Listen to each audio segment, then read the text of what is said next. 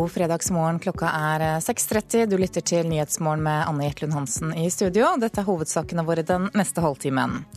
Kommunene skal få større ansvar og flere oppgaver. I dag presenterer regjeringen den største flyttingen av oppgaver til nettopp kommunene på 50 år.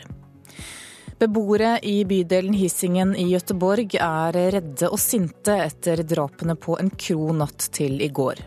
Man skal kunne være trygg der man bor. Og I dag kommer statsminister Stefan Löfven på besøk til bydelen for å møte beboerne der. Mange barnehager holder barna inne under solformørkelsen i dag. De er redde for at barna skal få øyeskader. Vi kommer til å holde oss inne, fordi det er det sikreste. Snart kan du hente nytt pass på rådhuset dersom regjeringen får det som den vil. I dag presenterer nemlig kommunalministeren hvilke oppgaver fremtidens kommuner skal kunne løse. Stortingsrepresentant Geir Sigbjørn Toskedal sier at det både er glede og skepsis i KrFs rekker. Jeg møter folk, lokallag fra hele landet, som gleder seg til å ta fatt. Mange er skeptiske, så reformen i dag vil nok inneholde en del overraskelser. Kommune-Norge skal få større ansvar. Oppgaver skal flyttes fra stat og fylke til kommunene. Etter det NRK erfarer, vil en del sivile politioppgaver bli flytta til kommunenivå, som f.eks. utstedelse av pass. Ingjerd Skau er Høyres talskvinne i kommunalkomiteen på Stortinget. Det er ingen tvil om at oppgaver som kan eh, gagne kommunene eh, i å ha en mer helhetlig hånd om planleggingen sin, eh, det være seg innenfor skole, helse eller plan- og bygningslov, er av de tingene jeg særlig imøteser at kommunene også skal kunne ha et helhetsansvar for. I går kunne NRK avsløre at større kommuner kan få ansvar for tannhelsetjenesten. Og ifølge opplysninger NRK har, vil regjeringa i dag også foreslå at videregående skoler og kollektivtransport overføres til større bykommuner. Ansvar for barnevern og mer makt i plan- og bygningssaker er andre oppgaver som flyttes til kommunenivået. Toskedal i KrF frykter at dagens fylkeskommuner sakte blir tømt for oppgaver. Det er klart at både Høyre og Fremskrittspartiet har programfesta å legge ned fylkeskommunen. Eh, det har regjeringen snudd på. Regjeringen samarbeider med KrF og Venstre, slik at eh, det blir et tredje folkevalgt nivå. For KrF er det dermed veldig viktig å se til at dette nivået får gode oppgaver som kan styrke regionene i Norge. Det er viktig for oss, og det vil vi sørge for. At ikke det leddet blir tømt for oppgaver. Jeg er ikke bekymret for det, fordi eh, Høyre og Fremskrittspartiet har jo ønsket å avvikle fylkeskommunen, men det er det ikke flertall for. Og Vi er enige om at vi nå skal ha et tredje, altså et mellomnivå, men det kommer til å bli færre eh, fylkeskommuner. Og prosessen er allerede i gang. Vest- og Aust-Agder fylkeskommune skal slås sammen i 2016, mens Nord- og Sør-Trøndelag har begynt å snakke sammen. Lista over oppgaver som kommunalminister Jan Tore Sanner presenterer i dag, spiller også opp til flere kommunesammenslåinger. Og da vil det bli sånn at de oppgavene som kommer nå, fordrer at man får større kommuner? altså Det vil tvinge noen kommuner til å slå seg sammen? I hvert fall kan det være en god inspirasjon til at eh, man i langt større grad ser at man har muskler til å løse oppgaver som i fremtiden eh, da kan også eh, løses i kommunene. Reporter var Eva Marie Bulai. Regjeringen i Hellas har lovet å legge frem en fullstendig liste med økonomiske reformer i løpet av få dager. Det sier Tysklands forbundskansler Angela Merkel. Hun hadde samtaler med sin greske kollega Alexis Tsipras, den franske presidenten Francois Hollande og flere andre EU-topper i natt. Samtalene fant sted etter gårsdagens EU-toppmøte i Brussel. Fem spedbarn er funnet døde i et hus i nærheten av Bordeaux sørvest i Frankrike. Et dødt nyfødt barn ble angivelig først funnet av faren i en kjølebag, og politifolkene som rykket ut skal ha funnet de andre døde babyene i en fryser i boligen. Den 40 år gamle barnefaren er pågrepet av politiet. Den 35 år gamle moren skal ha blitt fraktet til sykehus, hvor hun bl.a. skal gjennomgå en psykiatrisk undersøkelse, melder nyhetsbyrået AFP. Redde og sinte beboere i Hisingen i Gøteborg skal i dag møte Sveriges statsminister Stefan Löfven. Halvannet døgn er gått siden to menn ble drept i et gjengoppgjør inne i en restaurant i bydelen. De to som skjøt rundt seg med automatvåpen er fortsatt på frifot, og Löfven avbryter nå et viktig EU-toppmøte for å treffe beboerne i området. De sier at han blir møtt med mange spørsmål og råd. Vi måste allihopa lyfte opp hele Sverige. Guro Skoradin driver den lille, søte og slitte blomsterbutikken. Ja, ja. blomsteraffær. Ja. ja. Den som ligger vegg i vegg med kroen der to menn med dødninghodemasker iskaldt skjøt rundt seg med automatvåpen. Inn i blomsterbutikken er statsminister Stefan Löfven hjertelig velkommen. Loven jeg ønsker at loven kommer, kommer her affæren. Vi sitter og drikker kaffe, og jeg kan berette masse av greier til ham. Utenfor blomsterbutikken og utenfor den mørklagte kroen med polititeip rundt har beboere samlet seg på torget. De prøver å forstå. Ja, det er tråkig når sånt her hender. Det kunne like gjerne være jeg som skulle kjøpe mat herifra. Ble skutt for ingenting. Ønskelisten deres til Löfven er stor. Flere overvåkningskamera. Man skal kunne være trygg der man bor. Mer politi i gatene. Og når man ringer, så skal man nå på dem og direkte, så de skal komme på direkte. De skal ikke komme etter to timer eller tre timer. Flere jobber til de ledige unge som nå driver dank. Mer åpenhet om integrering. Og sen alle mennesker de mennesker, uansett hvilken religion de har. Mer samarbeid med andre land. Innom EU skjerpa grensekontroller og framfor alt våpensmugling, narkotika også for det delen. Disse beboerne har levd med at tungt kriminelle gjenger slåss om narkotikamarkeder i nabolaget deres i årevis. Nå er de sinte, redde og frustrerte. Jeg er skremt. Hele lokalsamfunnet må spille på lag om voldsspiralen skal ta slutt, svarer pressetalskvinne Ulla Brem i politiet. Og det gjelder jo for de boende her å gjøre en gemensam sak. Polisen kan ikke enbart stå for å skape trygghet. Vi finnes naturligvis på plass, det gjør vi. Men man får hjelpes åt nå, både hva det gjelder skole og, og sosiale, og, og, alle får hjelpes åt for å samle ihop seg etter denne hendelsen. I døråpningen til blomsterbutikken sin står Kodadi og fnyser litt av dette svaret. Hadde politikerne våget og villet mer sammen med politiet, så kunne de drepte fortsatt være i live, tror han. Prater for mye hva innvandrerpolitikk de gjør ingenting. De gjør ingenting, det er sant. Om de skulle ha gjort det, det hender ikke sånne saker. Det er for sent. Det er mange som har gått bort på kort tid, så jeg vet ikke om man kan gjøre noe åt det.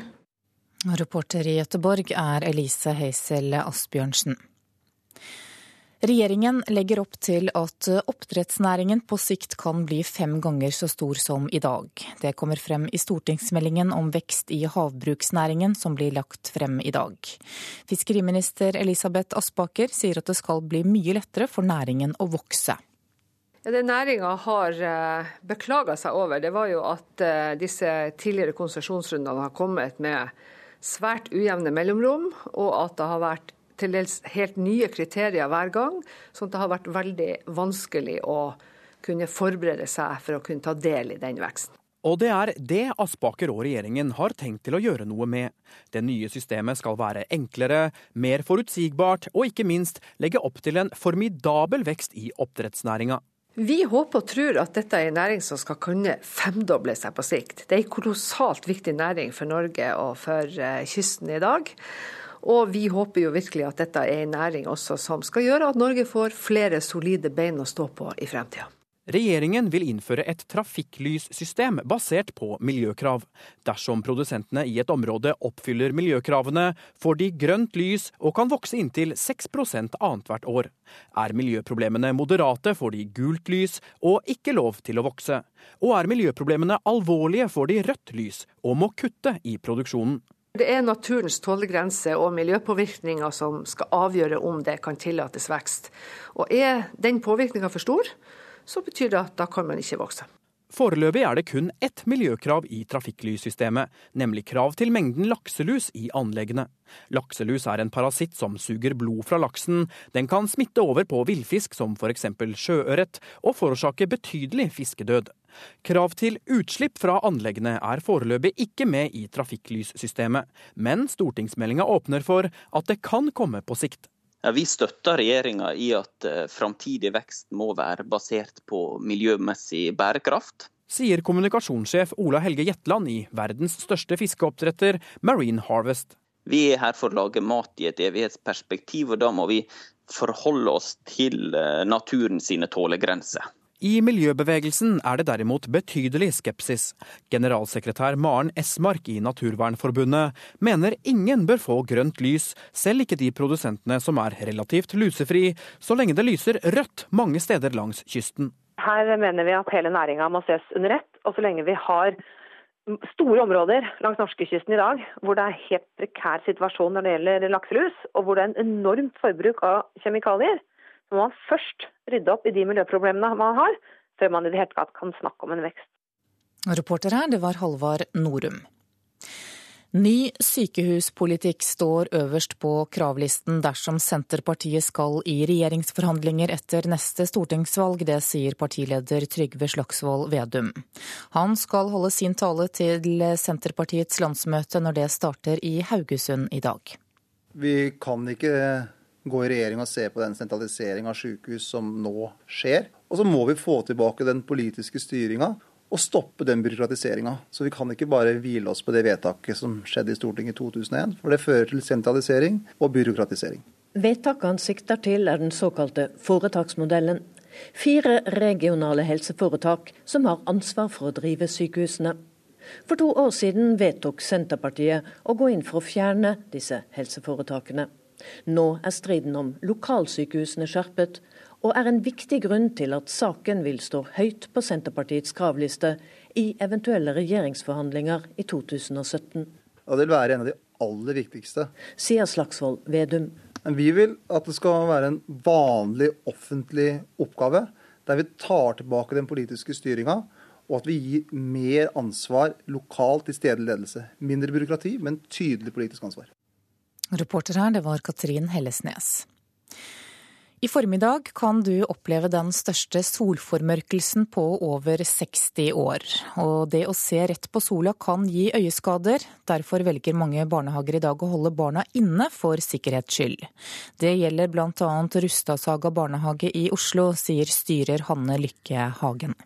Vi vet jo ikke hvilke barn som har blitt prata mye med om det her, og vil da kunne sammen med andre barn plutselig finne på at det er veldig gøy å skulle stå og se på sola. Og skal vi kunne stoppe, stoppe det? Det har vi ikke muligheten til, rett og slett.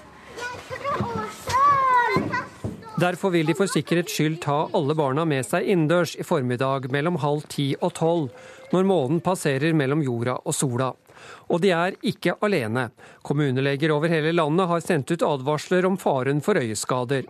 Og de får støtte av leder i Øyelegeforeningen Bente Haugom, som understreker at både barn og voksne kan få varige skader hvis vi ser direkte på sola.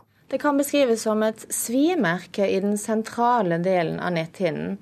Det er uheldig fordi det skader skarpsynet, og det kan altså ikke gjøres noe med det etterpå, dessverre, hvis det først oppstår. Slike skader kan egentlig oppstå når som helst, men mens vi vanligvis naturlig vil unnvike å se rett på en sterk sol, vil denne refleksen være borte når nesten hele sola er dekket av månen.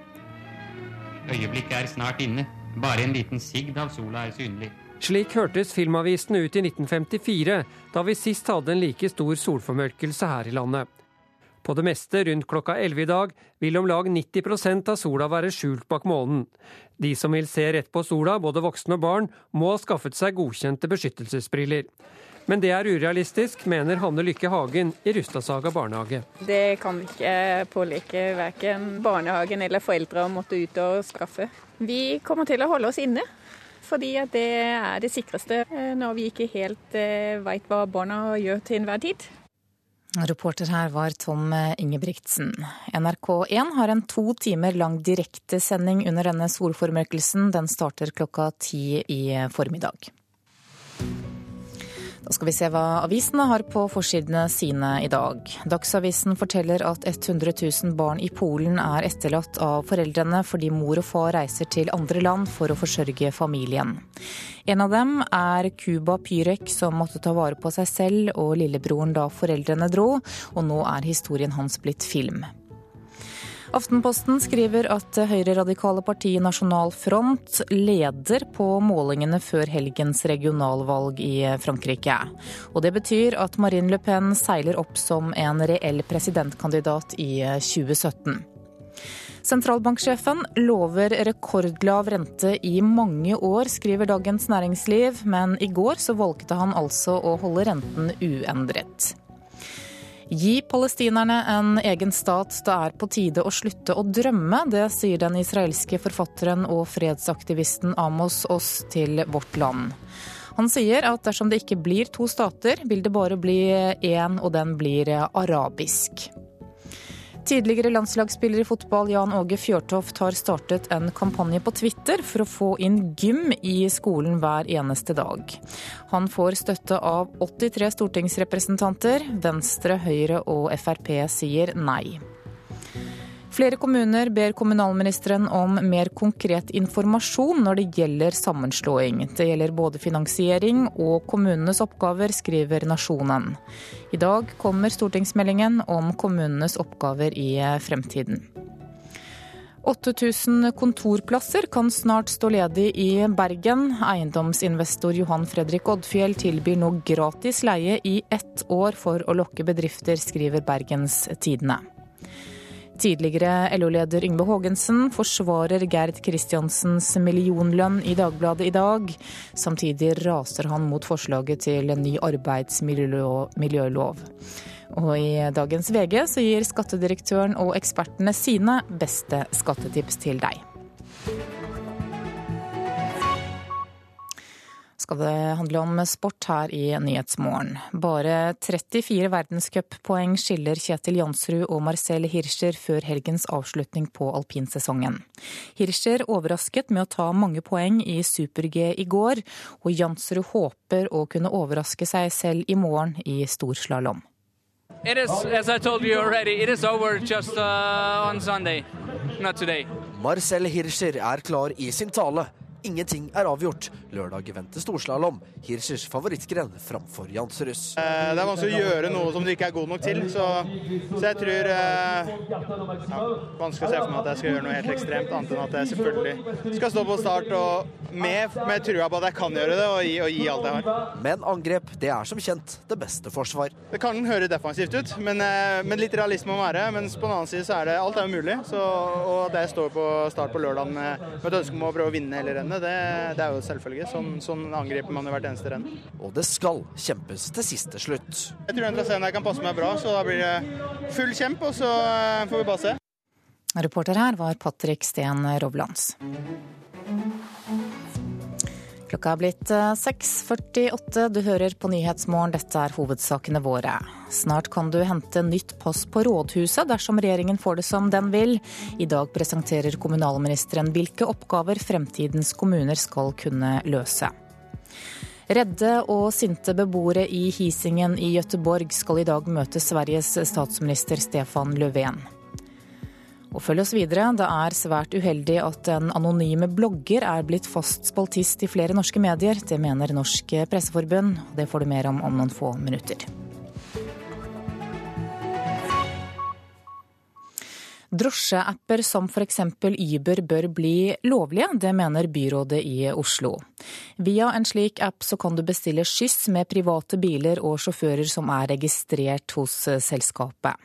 Men slike drosjetjenester er omstridt i mange land, og da transporttjenesten Uber startet opp i Oslo i november, så politianmeldte kommunen selskapet. Nå mener samferdselsbyråd Guri Melby fra Venstre at det er på tide å tenke nytt. Jeg ønsker at vi skal åpne for samkjøringsselskap, som det Uber er et eksempel på. Vi trenger billigere og bedre taxitjenester. Det er bra for miljøet, og det er bra for folk i Oslo. En app på telefonen der du registrerer deg og legger inn kortopplysningene dine. Du blir koblet sammen med en navngitt sjåfør. Etter turen belastes kortet, og du som kunde sender umiddelbart inn en vurdering av sjåføren du brukte. Slik fungerer i grove trekk transporttjenesten Uber. Really the different ways in which Uber may be able to, to help transform how people get around Oslo. Joe Bertram er Uber-sjef for bl.a. de nordiske landene. Hun mener selskapet kan være med på å endre måten oslofolk kommer seg rundt i byen, og hun mener fordelene er så mange at det kan redusere bilbruken totalt sett. Samferdselsbyråden ser mange av de samme fordelene. Jeg mener at det er svært positivt for miljøet at vi får mer av denne type tjenester. Det gjør det lettere for folk å leve uten bil i en by, hvis, eh, hvis type taxi og samkjøring blir både billigere og mer tilgjengelig. Så jeg ønsker mer nyskaping i dette markedet. Da Uber ble lansert i Oslo i november, fikk det mange til å se rødt. Bymiljøetaten politianmeldte umiddelbart selskapet, og de to siste ukene har ytterligere to anmeldelser blitt levert inn mot tjenesten. Politiet har ikke startet etterforskningen av noen av sakene ennå. Samferdselsbyråden synes anmeldelsen er uproblematisk. Bymiljøetaten har eh, anmeldt Uber fordi at det ikke er tilpassa dagens regelverk. Og Bymiljøetaten har et ansvar for å eh, forvalte dagens regelverk, så jeg mener at de er i sin fulle rett til å gjøre det. Eh, og det er Samferdselsdepartementet sitt ansvar å endre på regelverket dersom de ønsker, i likhet med oss, mer nyskaping og innovasjon i taxi- og samkjøringsmarkedet. Uber er en omdiskutert tjeneste i mange land, og ble forbudt i Tyskland senest denne uka. Joe Bertram mener transportlovene i de fleste land ble laget før smarttelefonene, og at man så hvilke muligheter denne teknologien gir. Hun er ikke overrasket over protestene fra etablerte taxiselskaper, og mener det skyldes at de gir konkurranse. Uh, were written before the advent of smartphones and, and, Google Maps and other benefits that technology can bring. We're bringing competition typically to, to an industry that, that hasn't been disrupted in, in decades. Uber har jo gått i gang med en uh, lukket pilot, som de kaller det, og som ser ut til også å bryte med dagens uh, regelverk. Er det da riktig at de skal belønnes med å få deg til å kjempe for seg? Eh, jeg kjemper ikke Uber sin sak. Jeg kjemper eh, kollektivreisende og taxikunder i Oslo sin sak. Eh, folk som ønsker å komme seg enkelt og billig fra A til Å, uten at du trenger å eie din egen bil. Det er dem jeg har i sikte, det er dem jeg ønsker å jobbe for. Det sa samferdsels- og miljøbyrådet i Oslo, Guri Melby fra Venstre, og reporter her, det var Trine Bråten. Selvbiografien til den tidligere politimannen Eirik Jensen er en salgssuksess. Jensen er siktet for grov korrupsjon og medvirkning til grov narkotikaforbrytelse.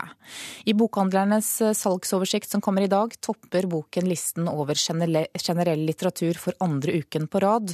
Samtidig trykkes boka nå i et tredje opplag. Forlegger Erling Kagge tror en av årsakene til det gode salget er en lengsel etter å kikke politiet i kortene? Jeg tror det er flere grunner. Jeg tror, tror at uh, bokkjøpende publikummet har uh, lengtet etter innsideberetninger om norsk uh, politi. Og det viser seg både med på innsiden Eirik Jensen og også boken om Monica-saken. Men i tillegg så har den også fått glitrende anmeldelser gjennomgående. Og, det er jo også en meget spennende fortelling om 32 år i politiets tjeneste. De holder ting for seg selv i betydelig grad. Og da, når det kommer da endelig velskrevne, spennende beretninger om eh, hvordan livet egentlig er på innsiden av politiet, så løper folk og kjøper bøker. Salget forteller at politivarsleren Robin Schæfers bok om Monica-saken har falt fra andreplass til sjetteplass på listen over generell litteratur. Schæfer varslet om et mulig drap i en sak som politiet henla som selvmord, og han har skrevet bok om saken og om åtteåringen som døde. Forleggeren Viggo Mostad og Bjørke har trykket boka i et opplag på 17 000 bøker, og vurderer nye opplag. Kagge, som gir ut Eirik Jensens bok, kommer med tredje opplag, totalt 25 000 bøker. Kagge forlag har fått mersmak på å gi ut bøker om kriminalsaker fra det virkelige livet. Ja, altså Vi i Kagge forlag vi har jo hele tiden på jakt etter eh, gode, og spennende og velskrevne fortellinger. Så eh, svar på det er absolutt ja. Det har ikke lyktes NRK å få en kommentar fra Oslo-politiet i denne saken. Reporter her, det var Tone Staude. En anonym blogger er blitt fast spaltist i flere norske medier. Dette er svært uheldig, mener generalsekretær Kjersti Løken Stavrum i Norsk Presseforbund. I to år har Doremus Schafer latt fingrene hamre over tastaturet i sin nådeløse kritikk av norske medier. På bloggen sin plukker han journalistikken fra hverandre og påpeker faktafeil og halvsannheter som mediene har servert et intetanende publikum. Nå er Doremus Schafer blitt tatt inn i varmen og skriver fast for både Dagbladet, Tidsskriftet Manifest og til og med journalistenes eget fagblad, Journalisten. Det er bare ett problem. Doremus Schafer er et pseudonym. Det er ingen av leserne som vet hvem som egentlig skriver. Hvem er vedkommende? Har vedkommende noen interesser? Er det en årsak til at vedkommende mener det han mener? Spør generalsekretæren i Presseforbundet Kjersti Løken Stavrum. Pressens idé er jo åpenhet. Og derfor syns jeg det er viktig å utfordre anonymiteten. Pressegeneralen får støtte av Hans Petter Sjøli, som er debattansvarlig og kommentator i VG. Anonymitet skal tilhøre liksom det, det, de der mer ekstreme tilfellene av helt spesielle saker.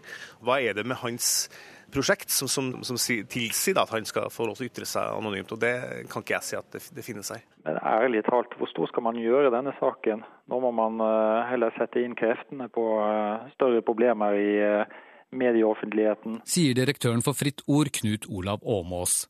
Fritt Ord har støttet den anonyme Doremus med 50 000 kroner, fordi de mener han har en viktig stemme i samfunnsdebatten. VG burde heller sette kreftene inn på forsikt skikk på nettdebatten sin. Jeg er enig i at det kan være problematisk å ha samfunnsdebattanter under uh, falsk navn, for å si det sånn. Sier Martine Aurdal, som er debattredaktør i Dagbladet, en av avisene som gir den anonyme Schafer fast spalteplass. Uh, men dette er altså eksterne bloggere som er på under vår egen bloggfane, og syns det skiller seg såpass fra det det vanlige materialet. At det ikke går som en, en vanlig dagbladjournalist likevel.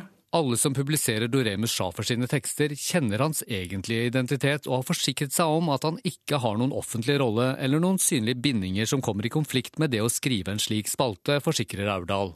Men det holder ikke for pressegeneral Kjersti Løken Stavrum. Kildevernet er til for å verne de som bringer fram informasjon som det er, er forbundet noen risiko med å bringe videre, eller at man skal ta hensyn til tredjeperson. Det er egentlig der kildevernet vårt slår inn. Det må i hvert fall ikke være slik at det er bekvemmelighetshensyn.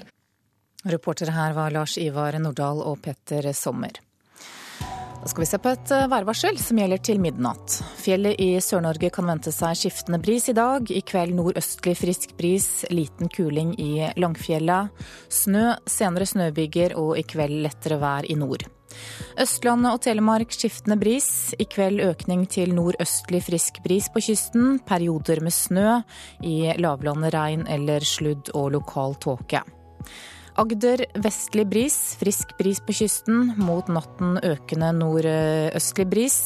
Perioder med regn, snø over ca. 400 meter. Noe lavere snøgrense i kveld. Rogaland og Hordaland sørvestlig bris. Regn, snø over 400 meter og lokal tåke. I kveld er det ventet nordlig frisk bris på kysten. Liten kuling i nord og etter hvert oppholdsvær. Sogn og Fjordane bris av skiftende retning, nordøstlig liten kuling ved Stad. I ettermiddag økning til nordlig stiv kuling på kysten, nordøstlig sterk kuling ved Stad. Litt regn og snø over 300 meter, i kveld oppholdsvær.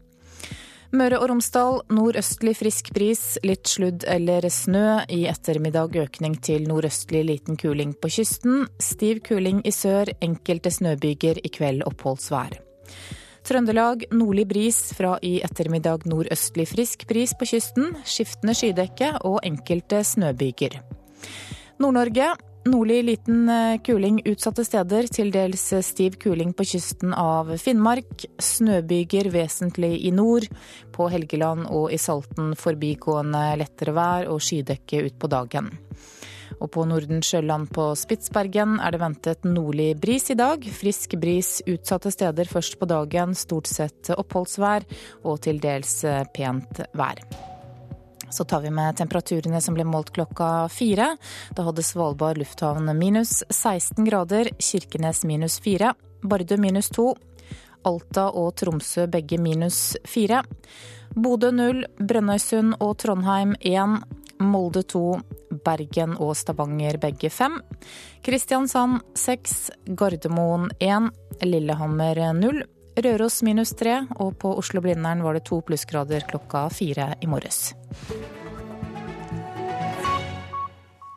Ja, mens eh, mange ungdommer tidligere forsøkte å slippe unna militæret, så står nå unge kvinner og menn i kø for å få gjennomføre førstegangstjenesten. Med dagens størrelse så trenger Forsvaret bare at 8000 gjennomfører førstegangstjenesten.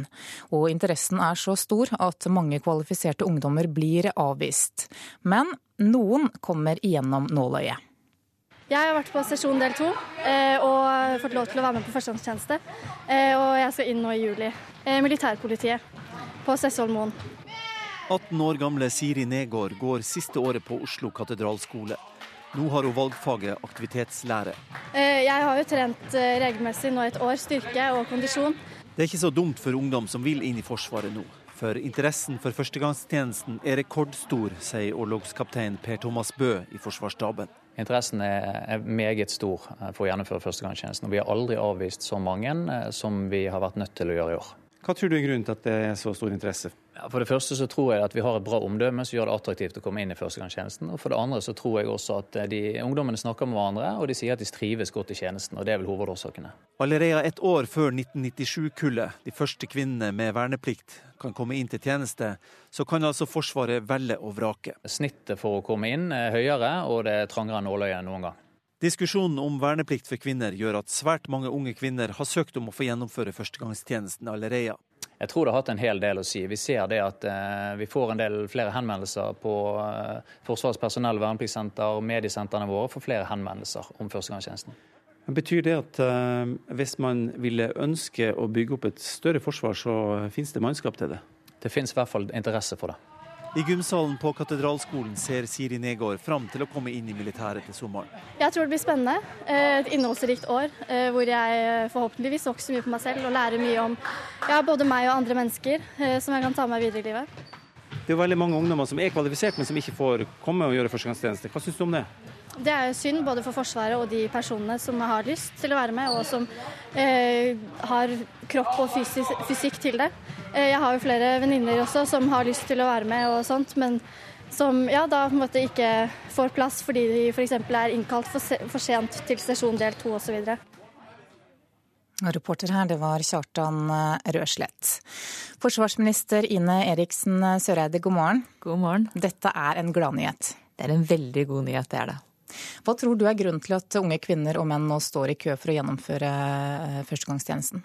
Jeg tror det er flere årsaker, og flere ble nevnt her. Ehm, det er jo personellet i forsvaret vårt som er eh, de viktigste ambassadørene. Og de forteller om en veldig meningsfull og givende tjeneste.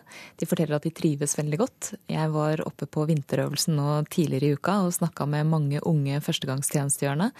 Og det de forteller om er mestring, om fellesskap, om trivsel så tror jeg mange ser at Forsvaret er en veldig interessant arbeidsplass, der du har veldig mange muligheter eh, foran deg. Du kan være i flere forskjellige forsvarsgreiner, og du kan jobbe med veldig mange ulike ting.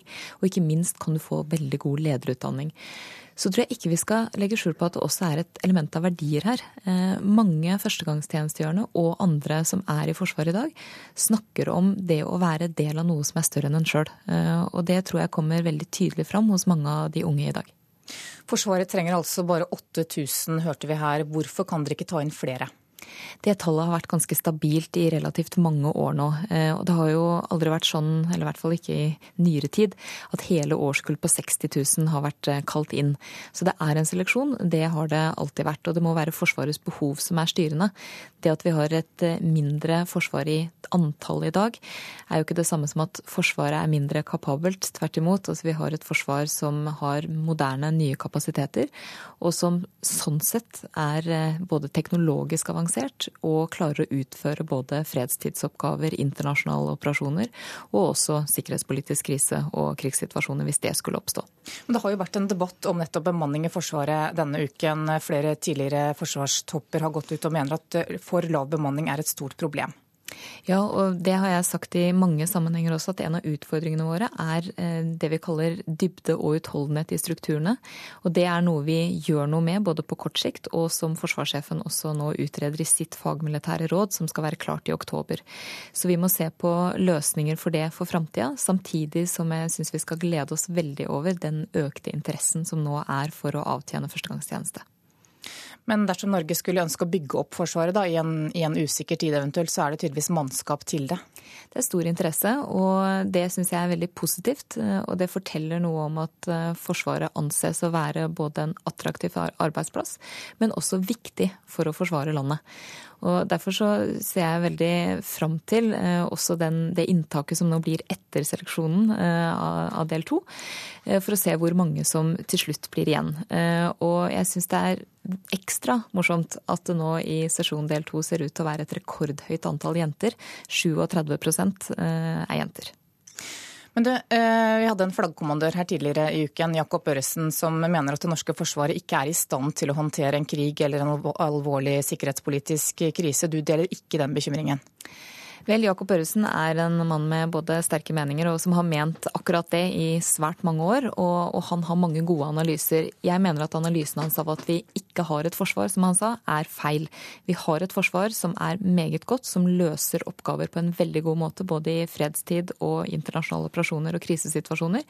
Men han har rett i at vi har en utfordring når det gjelder dybde og utholdenhet i strukturene over tid, og det søker regjeringa nå å gjøre noe med.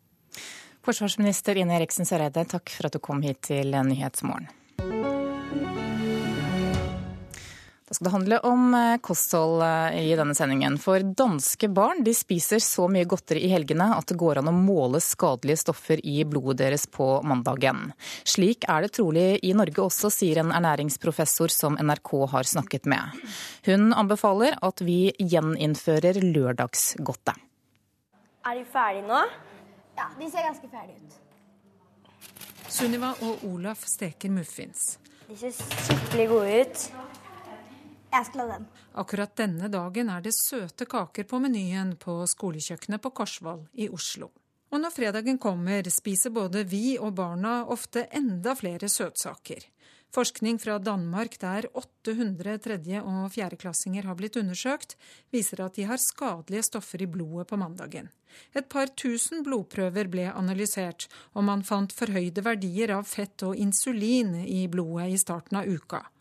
Og selv om denne undersøkelsen altså er dansk, kan den ha gyldighet her også, mener professor i ernæring ved Universitetet i Oslo, Lene Frost Andersen. Danskene er kanskje dem vi kan sammenligne oss best med i de nordiske landene. For vi har litt sånn samme spisemønstre, eh, danskene og, eh, og nordmennene. Og hun advarer om at helgen ser ut til å bli en stadig større del av uka. Hvis vi ofte tenker på at det vi, skal, vi spiser i helgen det skal være litt annerledes enn det vi gjør til hverdag, så er det uheldig at nesten halvparten er en uke.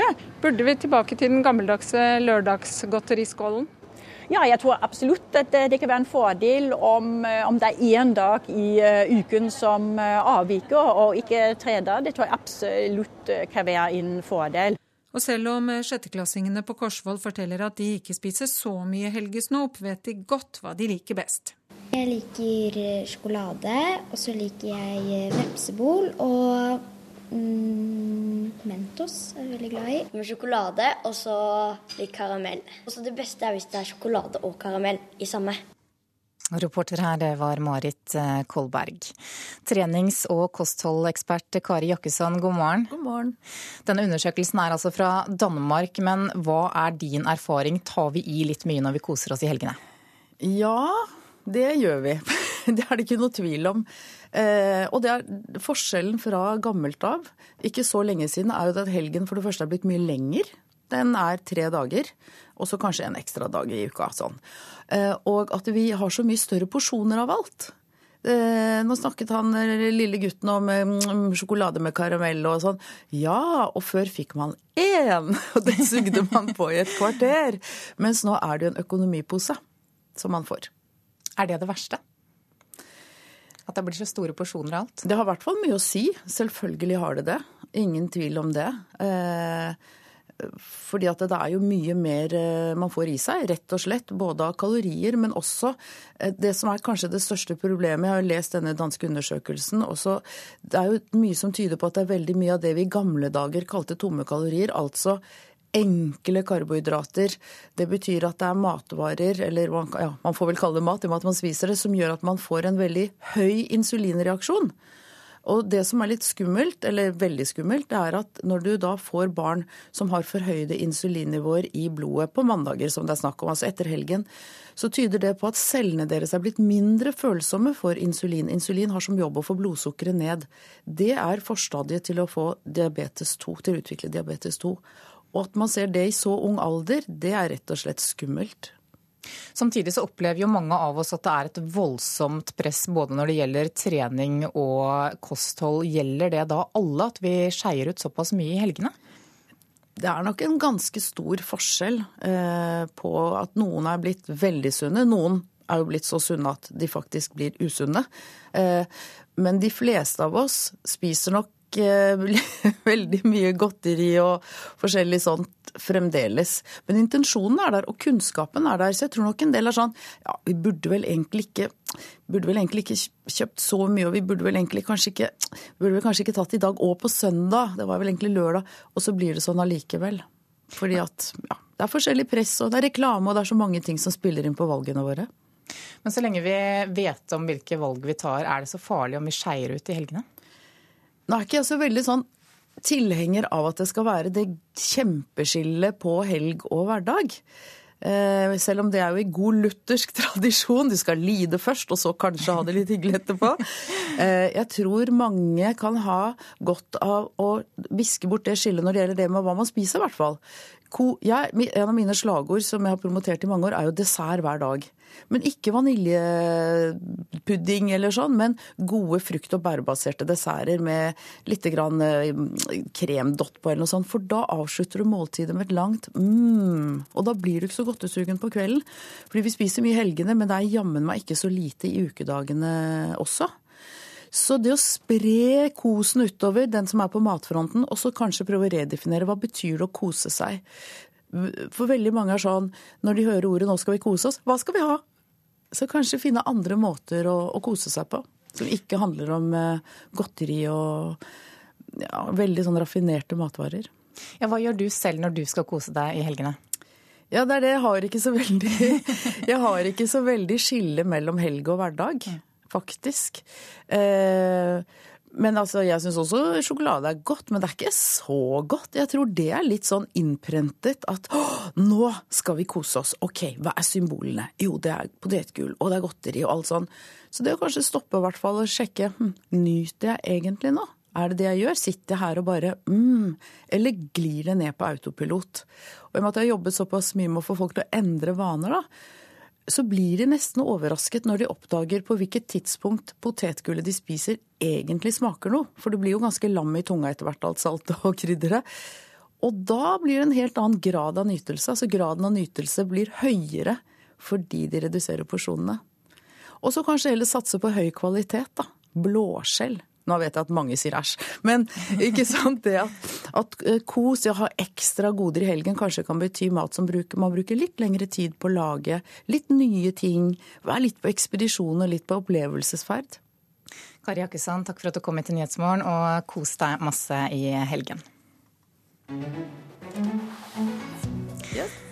Klokka er 7.17 eh, nå. Du hører på Nyhetsmorgen, og dette er hovedsakene våre. Det er rekordstor interesse for militærtjeneste her i landet. Som vi hørte, barn spiser så mye godteri i helgene at kroppen er full av giftstoffer når helgen kommer. Og redde og sinte beboere i Hisingen i Gøteborg skal i dag møte Sveriges statsminister Stefan Löfven. Regjeringen i Hellas har lovet å legge frem en fullstendig liste med økonomiske reformer i løpet av få dager, ifølge Tysklands forbundskansler Angela Merkel. Hun hadde samtaler med sin greske kollega Alexis Tsipras, den franske presidenten Francois Hollande og flere andre EU-topper i natt.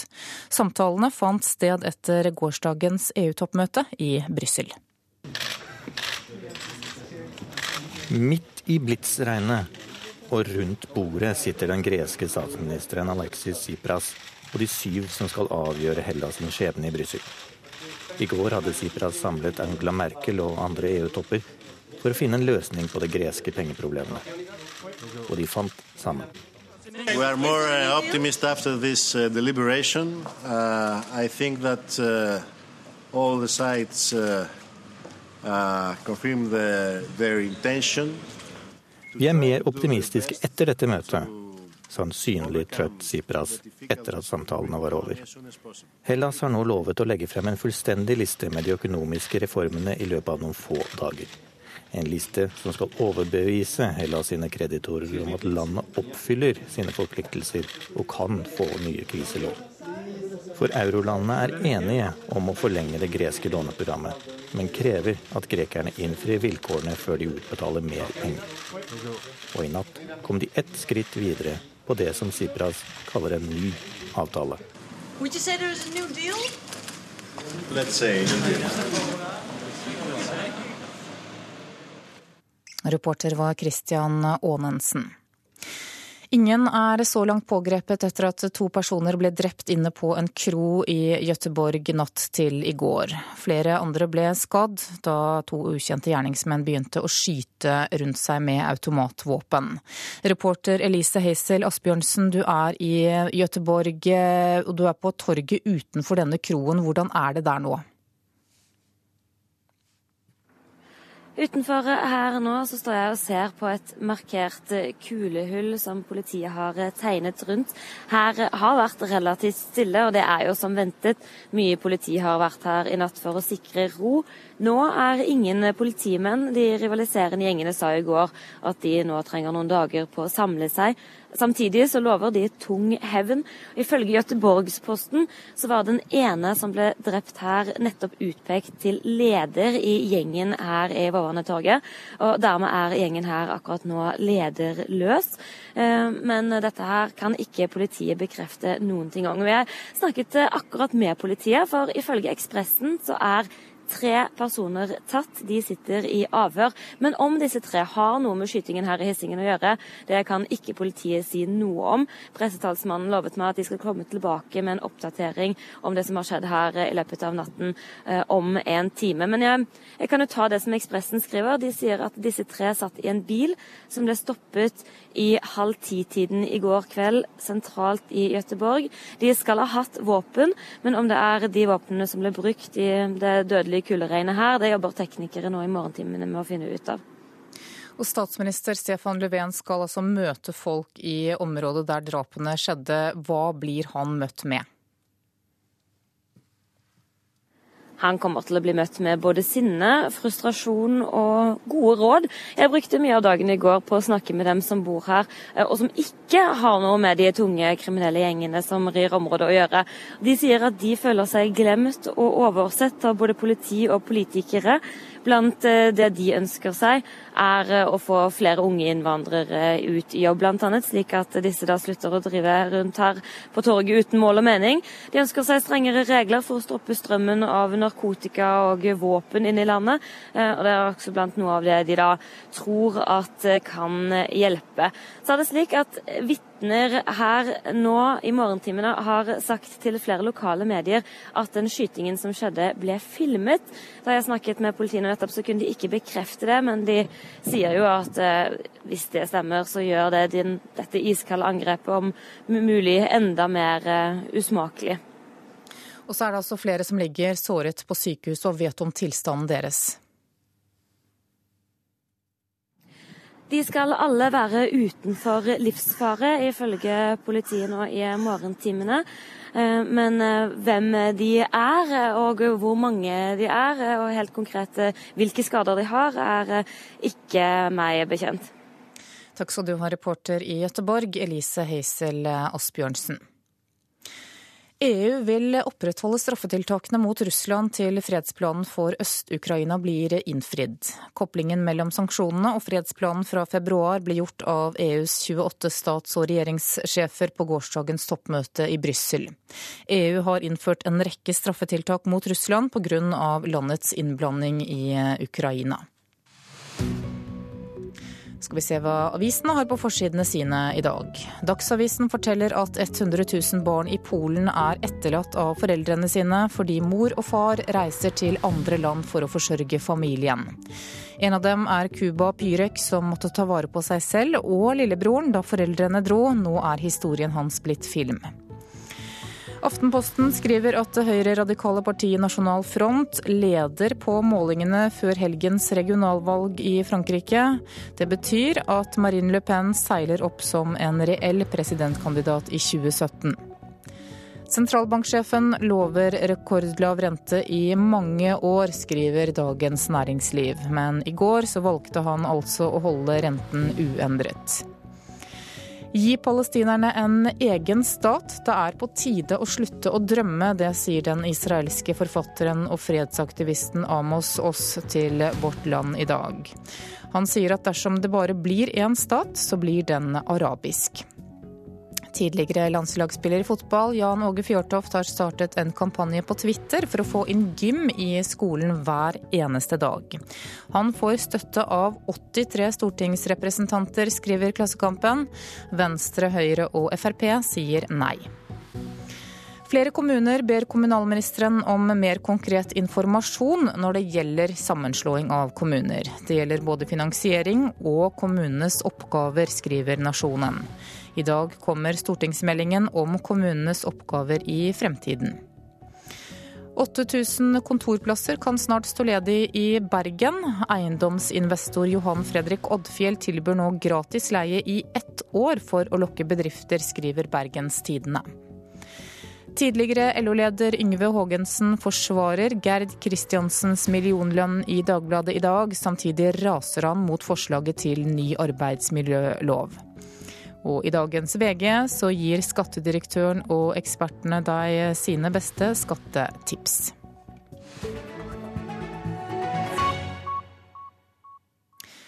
Etterspørselen etter livvakter øker. Politiet ønsker flere søkere til utdanningen, men opptakskriteriene er tøffe. Langt inne i skogen i Kongsvinger er det i disse dager intens konsentrasjon når ti menn og én kvinne blir utdannet til å bli nettopp livvakt. Prepp, prepp, prepp, prepp. Mm. Det er eh, Der må du Ny skytter! Gjør klar! Pistol er for oss et veldig viktig arbeidsredskap, et viktig verktøy. og Det må kunne sitte bra når de eventuelt begynner på de forskjellige avdelingene.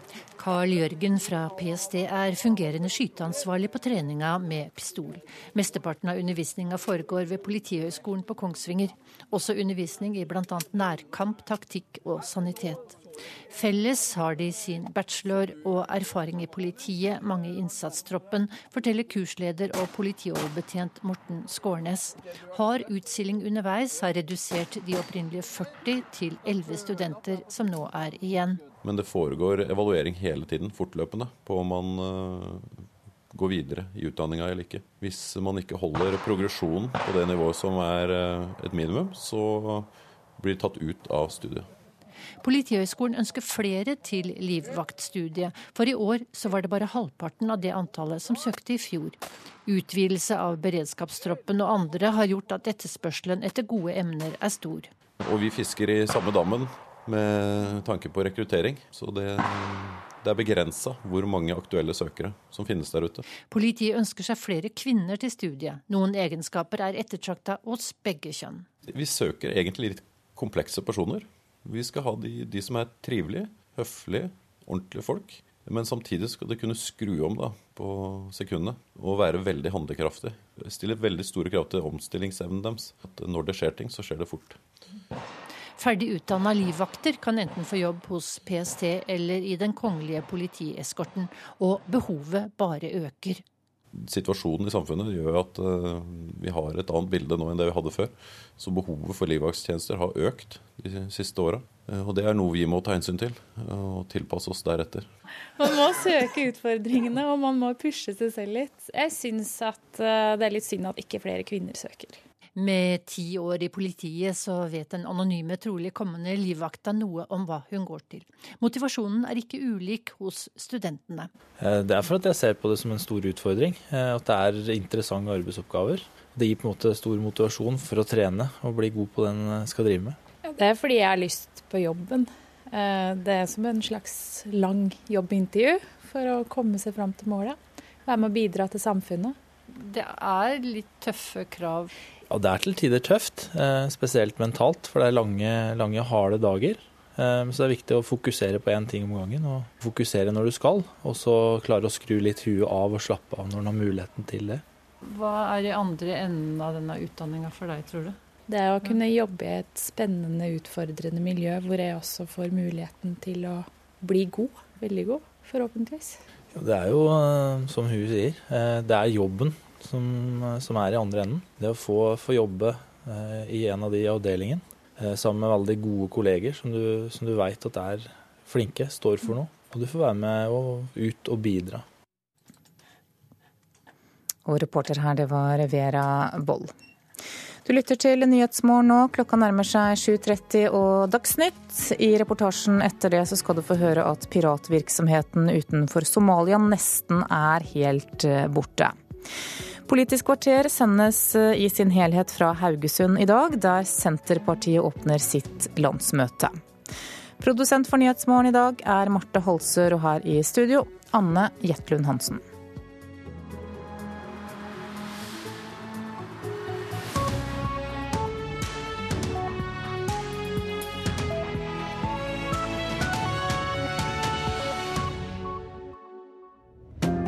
Ekko helg.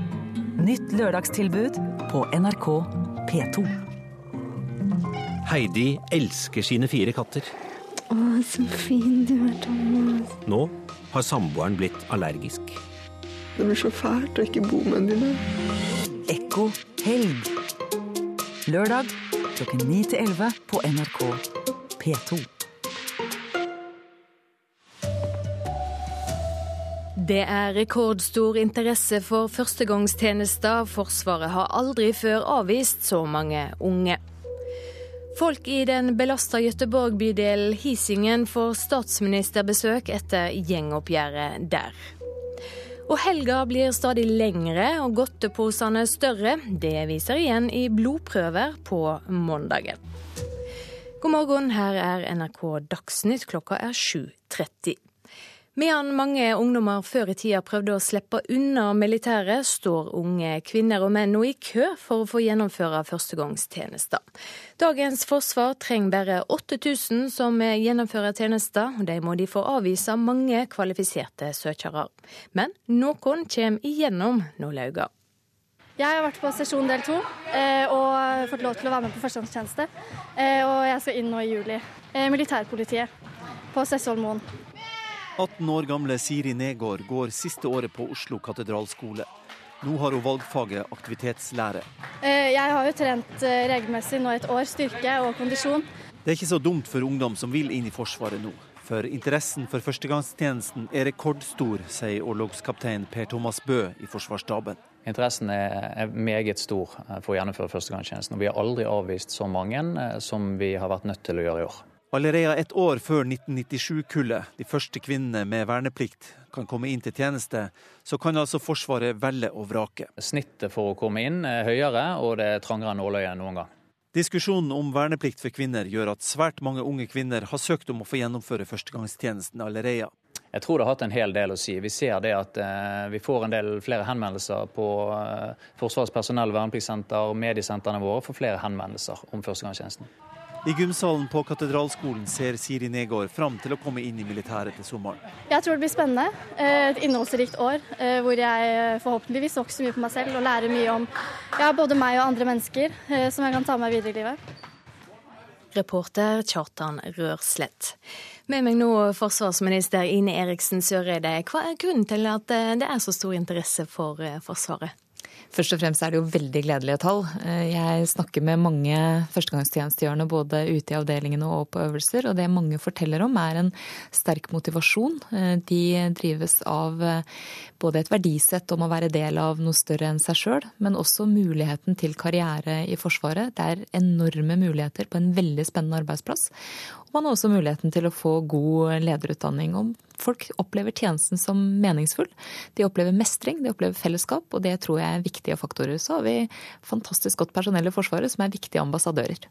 Samtidig så har flere forsvarstopper denne veka sagt at bemanninga er for låg. Bør Forsvaret ta inn flere av de som har lyst til å bidra? Ja, Det tallet vi tar inn nå har ligget stabilt i ganske mange år. Men dette er jo også en del av det forsvarssjefen skal vurdere i sitt fagmilitære råd. Det må hele tida være Forsvarets behov som er styrende. Og behovene endrer seg jo noe i mange ulike retninger etter hvert som også trusselbildet ser annerledes ut. Vi har jo et forsvar i dag som man gjennom de siste 20 åra både i Norge og Nato har planlagt for i en annen sikkerhetspolitisk situasjon enn nå. Og det betyr at vi må gjøre noen tøffe grep og ganske store endringer på en del områder for at vi skal ha et forsvar som er forberedt på å møte framtidas trusselbilde også. Vi har et forsvar som fungerer veldig godt i dag på mange områder, men vi har også noen utfordringer. Takk skal du ha, Ine Eriksen Søreide. I Gøteborg skal redde og sinte beboere i bydel Hisingen i dag møte Sveriges statsminister Stefan Löfven, halvannet døgn etter at to menn ble drept i et gjengoppgjør der.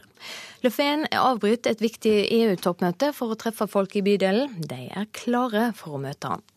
Loven jeg ønsker at loven kommer, kommer her innenfor. Vi sitter og drikker kaffe, og jeg kan berette masse av greier til ham. Utenfor blomsterbutikken og utenfor den mørklagte kroen med polititeip rundt har beboere samlet seg på torget. Ønskelisten deres til Löfven er stor. Flere overvåkningskamera. Man skal kunne være trygg der man bor. Mer politi i gatene. Og når man ringer, så skal man nå få dem og direkte, så de skal komme på direkte. De skal ikke komme etter to timer eller tre timer. Flere jobber til de ledige unge som nå driver dank mer åpenhet om integrering. Og sen alle mennesker de mennesker, uansett hvilken religion de har. Mer samarbeid med andre land. Inom EU skjerper grensekontroller og framfor alt våpensmugling. Narkotika også, for den delen. Disse beboerne har levd med at tungt kriminelle gjenger slåss om narkotikamarkeder i nabolaget deres i årevis. Nå er de sinte, redde og frustrerte. Jeg er skremt. Hele lokalsamfunnet må spille på lag om voldsspiralen skal ta slutt, svarer pressetalskvinne Ulla Brem i politiet. Ja, det gjelder jo for de boende her å gjøre en gemensam sak. Polisen kan ikke enbart stå for å skape trygghet. Vi finnes naturligvis på plass, det gjør vi. Men man får hjelpes åt nå, både hva det gjelder skole og, og sosiale, og, og alle får hjelpes åt for å samle ihop seg etter denne hendelsen. Reporter Elise Heisel Asbjørnsen. Og ifølge avisa Ekspressen er tre personer tatt inn til avhør i saka. Göteborgspolitiet har ikke kommentert dette ennå. Barn i Danmark et så mye godteri i helga at en kan måle skadelige stoff i blodet deres på mandagen. Fagfolk mener det er god grunn til å tro at det er slik her i landet også. Jeg liker sjokolade, og så liker jeg vepsebol og Mm, Sjetteklassingene på Korsvoll skole vet godt hva som er favorittsnopet deres. Og selv om de ikke får lov til å spise søtsaker hele helgen, er det mange barn som gjør nettopp det. En ny undersøkelse fra Danmark der 800 tredje- og fjerdeklassinger har blitt undersøkt, viser at de har skadelige stoffer i blodet på mandagen. Et par tusen blodprøver ble analysert, og man fant forhøyede verdier av fett og insulin i blodet til barna i starten av uka. Og det er all grunn til å tro at dette også gjelder norske barn. Det sier professor i ernæring ved Universitetet i Oslo, Lene Frost Andersen. Danskene er kanskje dem vi ikke sammenligne oss best med i de nordiske landene. For vi har litt sånn samme spisemønstre, selv om vi ikke har, gjort eh, de tilsvarende undersøkelser. Og hun advarer om at helgen er i ferd med å bli stadig lengre. Nå graver både vi og barna våre hendene godt ned i godteposene både på fredager, lørdager og på søndag. Det vi vet fra undersøkelser vi har gjort på begynnelsen av 2000-tallet blant eh, barn og ungdom, det var at helgen ofte starter fredag. Og så fortsetter den lørdag og søndag. Og da er det mer sokker. Reporter Marit Kolberg. Mer om dette på nrk.no. Om regjeringa får det som de vil, kan du snart hente nytt pass på rådhuset. I dag presenterer kommunalministeren hva for oppgaver framtidas kommuner skal kunne løse. Ingjerd Schou representerer Høyre i kommunalkomiteen på Stortinget. Eh, det være seg innenfor skole, helse eller plan- og bygningslov, er av de tingene jeg særlig imøteser at kommunene også skal kunne ha et helhetsansvar for. Ifølge opplysninger NRK har, vil regjeringa i dag foreslå at videregående skoler og kollektivtransport overføres til større bykommuner. I går kunne NRK avsløre at større kommuner også kan få ansvar for tannhelsetjenesten. Geir Sigbjørn Toskedal i KrF er bekymra for hva som blir igjen av fylkeskommunen sitt ansvar. I KrF er vi opptatt av at det ikke blir en sentraliseringsreform. Og vi er opptatt av at et regionalt nivå forblir folkevalgt og får tilført nye oppgaver. Men det vi så langt vet om oppgavelista Sanner legger frem i dag, går ut på at fylket mister oppgaver til kommunene. Barnevern er en av dem, og Sanner har allerede varsla at kommunene skal få større makt i plan- og bygningssaker. Etter det NRK erfarer, vil også en del sivile politioppgaver bli flytta til kommunenivå, som f.eks. utstedelse av pass. Det sa reporter Eva Marie Bulai. I formiddag kan vi oppleve den største solformørkinga på over 60 år. Men å se rett på sola kan føre til øyeskader. Flere barnehager vil derfor holde ungene inne for å være på den sikre sida. Hanne Lykkehagen er styrer i Russersaga barnehage i Oslo. Vi vet jo ikke hvilke barn som har blitt prata mye med om det her, og vil da plutselig finne på at det er veldig gøy å skulle stå og se på sola. Og skal vi kunne stoppe, stoppe det? Det har vi ikke muligheten til, rett og slett. Derfor vil de for sikkerhets skyld ta alle barna med seg innendørs i formiddag mellom halv ti og tolv, når månen passerer mellom jorda og sola. Og de er ikke alene. Kommuneleger over hele landet har sendt ut advarsler om faren for øyeskader. Og de får støtte av leder i Øyelegeforeningen Bente Haugom, som understreker at både barn og voksne kan få varige skader hvis vi ser direkte på sola. Det kan beskrives som et svimerke i den sentrale delen av netthinnen. Det er uheldig fordi det skader skarpsynet, og det kan altså ikke gjøres noe med det etterpå, dessverre, hvis det først oppstår. Og NRK1 har en TV-sending om solformørkinga. Den starter klokka ti. Reporter Tom Ingebrigtsen. Ansvarlig for Dagsnytt i dag, Anne Skårseth, Marianne Myrhol og Silje Sande.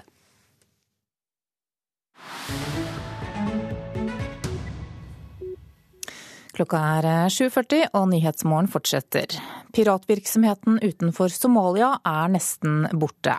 Men den kan igjen øke kraftig dersom krigsskip fra andre land slutter å patruljere i Adenbukta. Det sier lederen for EUs operasjon Atlanta, generalmajor Martin Smith, til NRK. Um, I would say that we have fractured the pirate capability, but it hasn't gone away. Vi har gjort det nærmest umulig å angripe båtene, men viljen og evnen til piratvirksomhet er der fortsatt, sier generalmajor Martin Smith, som leder EUs styrke i Adenbukta. For fire år siden holdt piratene 33 skip med nærmere 1000 sjøfolk som gisler ved kysten av Somalia. Siden den gang har antall piratangrep blitt kraftig redusert.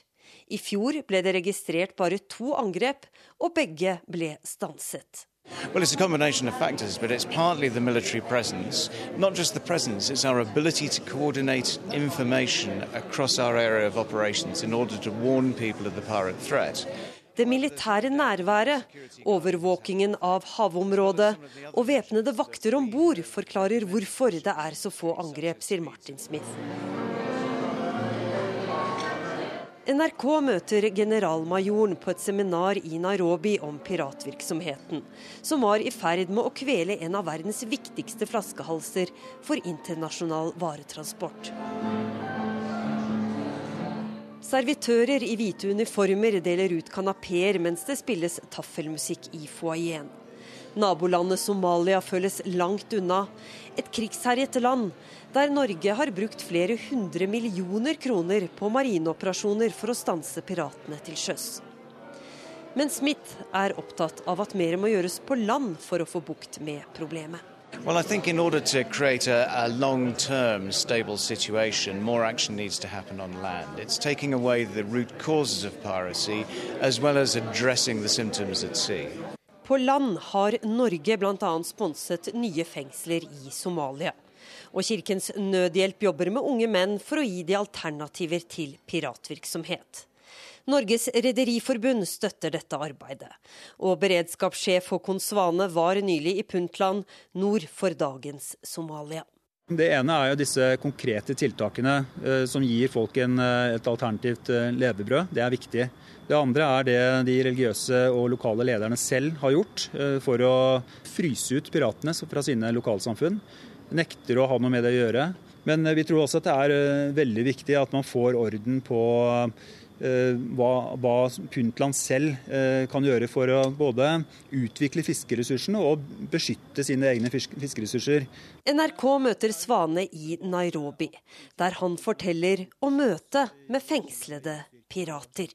Du møter jo da unge menn, du ser det rett inn i øynene og snakker med dem. og jeg var jo ikke der for å fordømme det de hadde gjort, men jeg fortalte hvor vanskelig de hadde gjort livet til uh, gislene og deres familier. Og det, det tror jeg liksom uh, det, det, gikk litt inn på de.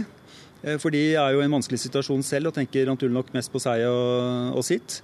Men akkurat den der parallellen mellom det, det, de har gjort mot folk, og det, det deres egen familie nå opplever av fattigdom og nød pga. piratvirksomheten, den, den tror jeg satt satt litt spor i de også. Svane forteller at de fengslede piratene hadde et klart budskap. Hovedbudskapet deres var at eh, det er veldig viktig å sørge for at man har eh, lovlige leveveier og mulighet til å drive fiske osv. på kysten. Eh, og at man har lov og orden på plass. Og hvis man ikke får, får det på sikt i Somalia, så fryktet de at piratvirksomheten ville tas opp igjen.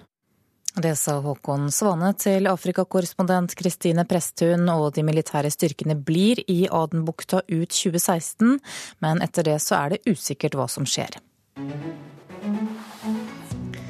Klokka har passert 7.44. Dette er hovedsakene i Nyhetsmorgen. Det er rekordstor interesse for militærtjeneste. Aldri før har Forsvaret måttet avvise så mange kvalifiserte ungdommer. Barn spiser så mye godteri i helgene at kroppen er full av giftstoffer når mandagen kommer. Og redde og sinte beboere i Hisingen i Gøteborg skal i dag møte Sveriges statsminister Stefan Löfven. Klokka er straks 7.45, og du skal få Politisk kvarter ved Bjørn Myklebust.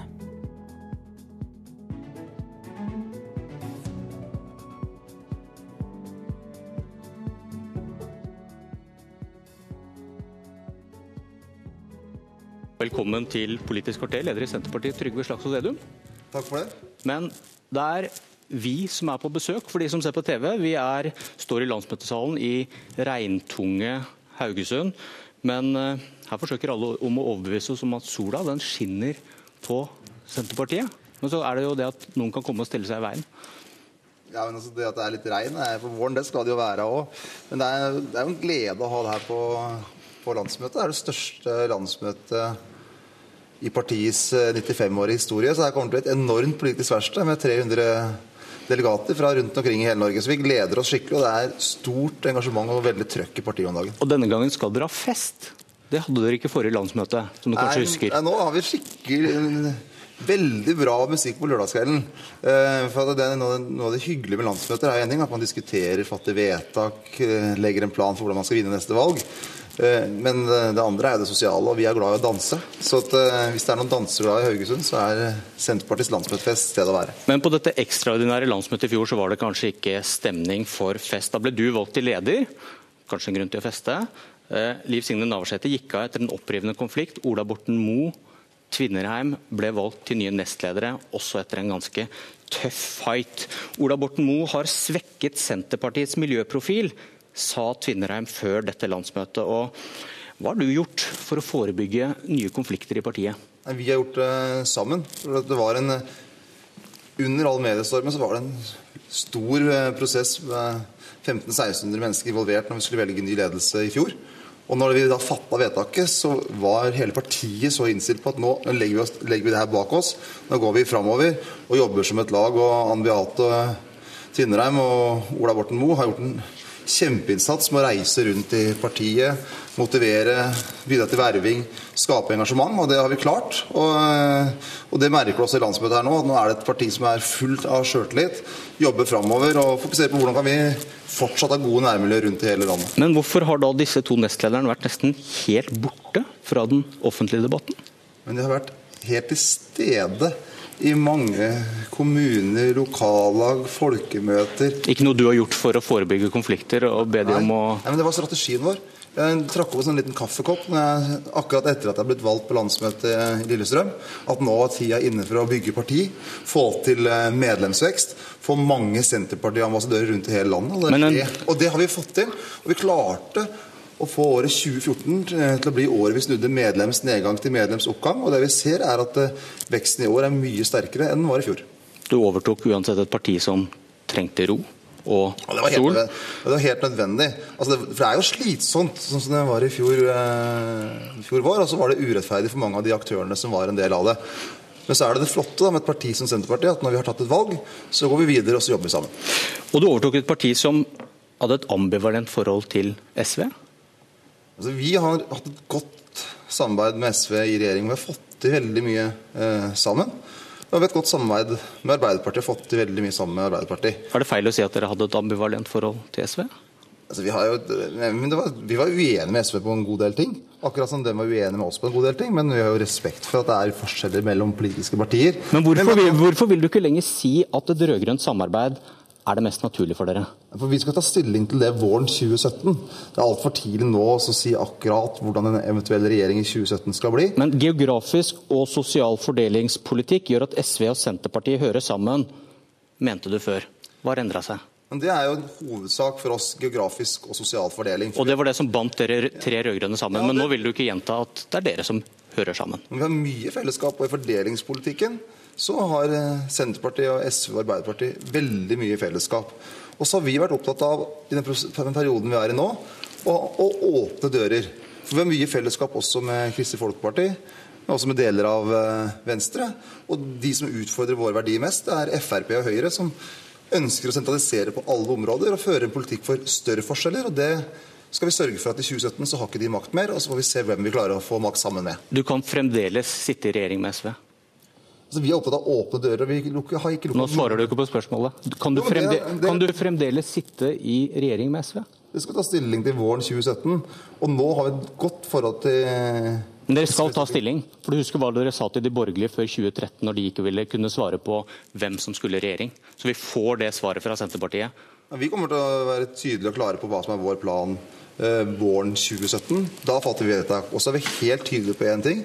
At vi aldri kommer til å være et støtteparti til noen regjering som vi ikke sjøl er en del av. Og det skal også alle andre partier vite. Lite spark til Venstre og KrF. Du, en som arbeider for å gjeninnføre tilstander og ordninger som eksisterte i en mer eller mindre fjern fortid. Er det en setning som kan beskrive Senterpartiet? Det er mange som tør å stemple oss som det. Men det vi sier ja til, er jo Kjente du det igjen? Nei, Jeg skjønte jo stemplinga, for jeg har hørt det. for det er, da, det er Store norske leksikons definisjon på å være reaksjonær. Ja, nei, men det, altså, At vi blir stempla litt og får litt det, det, er sånn det er. Men det vi brenner for, er at vi skal ha levende lokalmiljø i Lofoten, i Karasjok, liksom på Vestlandsfjordene, på Sørlandet. Ha Oslo som hovedstad. Vi ønsker det mangfoldige landet. Og skal vi ha det mangfoldige landet, så må det også være sykehus på steder som eh, f.eks. Rjukan, som har mista sitt sykehus nå, eller brannberedskap i Lærdal, eller politiet nær folk. Og Der har vi en annen vei enn dagens regjering, som ønsker å sentralisere sykehus, politi, slå sammen kommuner, mens vi ønsker å videreutvikle hele landet, og det er jeg veldig stolt av. Bremsekloss er vel et ord du har brukt om andre sentrumspartier. og Kanskje det er det som er deres viktigste rolle i sentrum? Men det, det er ikke noe bremsekloss for oss når vi ønsker å satse på f.eks. et satsing som Rjukan. Det er jo for at vi ønsker å bygge det samfunnet opp. Og at vi er så stolte over at vi har bosetting i Lofoten, at det er næringsaktivitet rundt omkring i hele landet. Det er jo ikke noe bremsekloss, det er jo en satsing. Og så tror vi at uh, Oslo, vår flotte hovedstad, ikke blir så mye bedre hvis alt skal sentraliseres dit. Det vil bare skape større pressproblemer. Vi må satse på byen, vi må satse på bygda, og så må vi ta hele landet i bruk. Ok, men Vi har allerede hørt deg snakke om sykehus i nyhetene i morges, og dere vil ta tilbake den politiske styringa, og dere vil hindre at flere lokalsykehus blir lagt ned. Hvem skal gi dere flertall for noe slikt? Velgerne. Til sjuende og sist så er 51% Nei, men altså, Hvis du ser på Senterpartiets 95-årige historie, så har vi hatt veldig mye makt eh, i Norge. Eh, og påvirka det Norge vi har i dag. Og Det er fordi at vi alltid har valgt våre slag. Eh, og hatt en sentral posisjon og vært ryddige. Og Når det gjelder sykehus, så mener vi at vi ser nå hva som har skjedd i Skottland. De hadde den samme foretaksmodellen som vi hadde. Det skapte masse byråkrati, uro, bråk, eh, dårlig politisk styring. Det er akkurat det samme vi skjer med vår foretaksmodell. Og da er fredningstida over eh, i 2017, for da er det 16 år siden den modellen ble innført. Men hva skjedde med de løftene rundt lokalsykehus da dere satt i regjering sist? Nei, Det var en beinhard kamp. Og Liv Signe Navarsete sikra veldig mange lokalsykehus. Og så var det noen slag som ikke gikk fullt og helt ut. Men det, det var ingenting som gikk andre retningen. Det gikk mot færre fødestuer, færre forsterka fødestuer. Bremsekloss. Og Neste gang så, vi, så, sier vi nå at vi skal være helt tydelige inn, inn, i regjeringsforhandlingene på det, som en, en, av våre hovedpilarer inn der. Blir det et ultimatum? Blir det deres Lofoten og Vesterålen? Altså, vi driver ikke så mye med det liksom, med ultimatum. for Vi er opptatt av å få til resultater. og, og Verden er lite svart-hvitt. Men vi kommer til å være svært tydelige på sykehus. Og så må vi gå bort fra den troa på at hvis du bare slår sammen sånn som vi har gjort i Oslo med eh, sykehusene der, at ting blir så mye bedre. Det vi har sett eh, i Oslo-sykehusene, er altså masse støy, masse problemer, og vært enormt dyrt. Så vi må tenke en annen vei. Hvordan kan vi bygge opp små spesialiserte enheter rundt omkring i hele landet? Hvordan kan vi få mer stedlig ledelse på sykehusene? Men gitt hvor, store dere er, nei, hvor små dere er, og hvor store Arbeiderpartiet er, hva er forskjellig fra da dere lovte akkurat det samme i den rød-grønne regjeringa, at dere skulle kjempe for lokalsykehusene? Nordfjordeid, vi husker hva som skjedde. Vi husker hvilke funksjoner som forsvant fra en rekke lokalsykehus.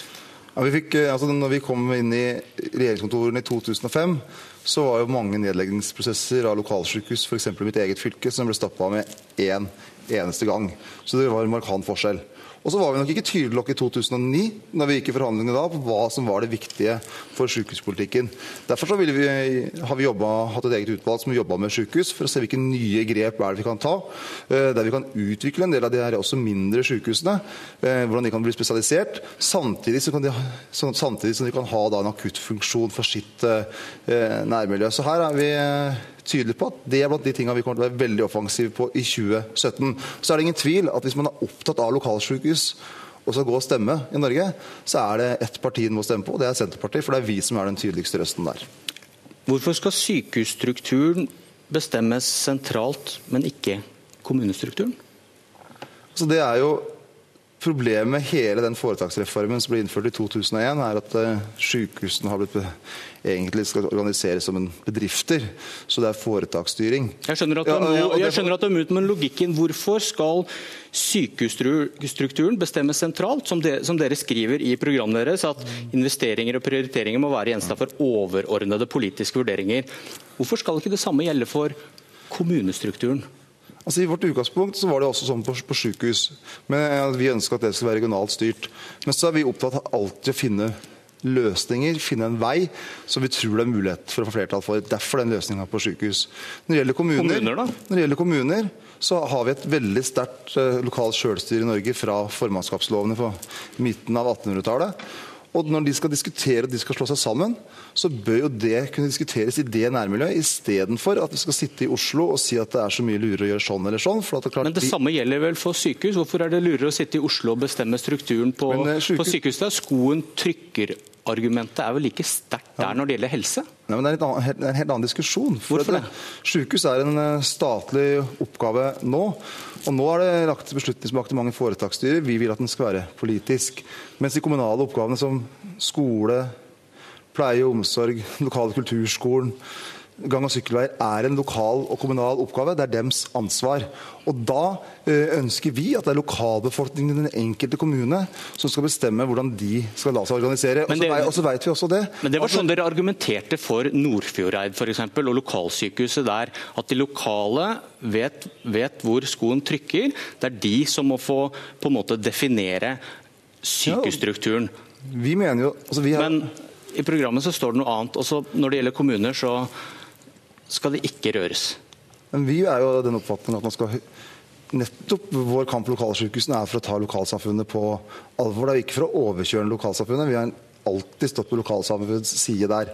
Og Når det gjelder kommunene nå, så ønsker regjeringa en massiv sentralisering, en massiv sammenslåing av kommuner.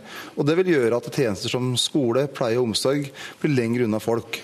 Og så er det den, det er du... den kommunen i Norge som har størst misnøye i pleie- og omsorgstjenesten, det er Oslo.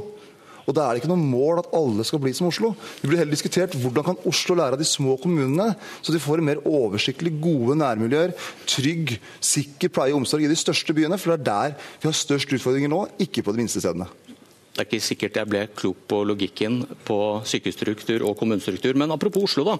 Du, du vil at kommunestrukturen den skal bestemmes lokalt. Du skal ikke bry deg med det. Ikke sant? Det er helt riktig. Hva syns du om at Tvinnereim, din nestleder, har blandet seg bort i hvordan Oslo bør se ut? Det var jo en vil dele den eh, opp i flere? Det var en politisk debatt, og i en politisk debatt inn mot et landsmøte så kommer det mange ulike forslag. og jeg tror det forslaget... Men du vil ikke mene noe om hvilke kommuner som bør slå seg sammen eller ikke? Nei, Men altså- hun, mener noe om hvordan Oslo bør se ut. Ja, jeg tror landsmøtet vårt kommer til å konkludere med at vi ikke skal mene noe om akkurat det spørsmålet. Burde hun ikke sagt det hun sa? Jo, det er det som er så bra i partiet nå. At nå er det liksom debatt. Det er mulig å komme med utspill, ha ulike ideer, diskutere, vurdere, og så tar vi, tar vi vedtak til slutt. Og det at eh, Ann Beate har lagd et program for gode nærmiljøer med mange ulike tiltak for hvordan vi skal lage gode nærmiljøer både i byen og på bygda, det er av det gode. Klokka 11 så kommer sola. Da skal du tale til landsmøtet med manus, på ryktene. Ja, det jeg tror jeg faktisk nesten første gang i hele mitt liv at jeg skal snakke med manus. Så det, og jeg har skrevet uh, talen sjøl, så jeg har brukt mye tid på å skrive talen. Jeg, nå gleder jeg meg til å få framført den. Hva skal du si? Er det noe av det vi har Ja, pratet om nå, eller skal du snakke om noe helt annet? Nei, det er veldig mye av det samme vi har prata om. Og så er det jo eh, det som er et viktig prosjekt for meg, er å bygge parti og bygge organisasjon. Så jeg kommer til å snakke nok mer om partiorganisasjon enn det som er vanlig. For vi skal bli utrolig sterke rundt omkring i Norge, sånn at vi kan gjøre gode lokalvalg. Og så vil det handle om det gode nærmiljøet, hvordan vi skal ha en levende norsk eh, matproduksjon. Og troa på smådriftsfordeler, ikke alltid bare stordriftsfordeler. Skal du fortelle at Jonas Gahr Støre ikke er til å stole på når det gjelder lokalsykehus og antall gårder i Norge? Nei. altså Jonas Gahr Støre er en eh, bra mann, men den talen Det er sånn du får velgere, vet du. Må synliggjøre Nei, poenget er å synlig, ja, jo, men altså, vi, får ikke, vi må synliggjøre oss sjøl. Jonas Gahr Støre er ikke han som skal, han skal ikke omtales i den eh, i dag. Eh, vi skal snakke om eh, Senterpartiet, og så er det Høyre og Frp som utfordrer våre saker. Du får håpe ingen stiller seg i veien for sola. Takk Trygve Slagsvold Vollum og Vedum, og godt landsmøte. Takk for det.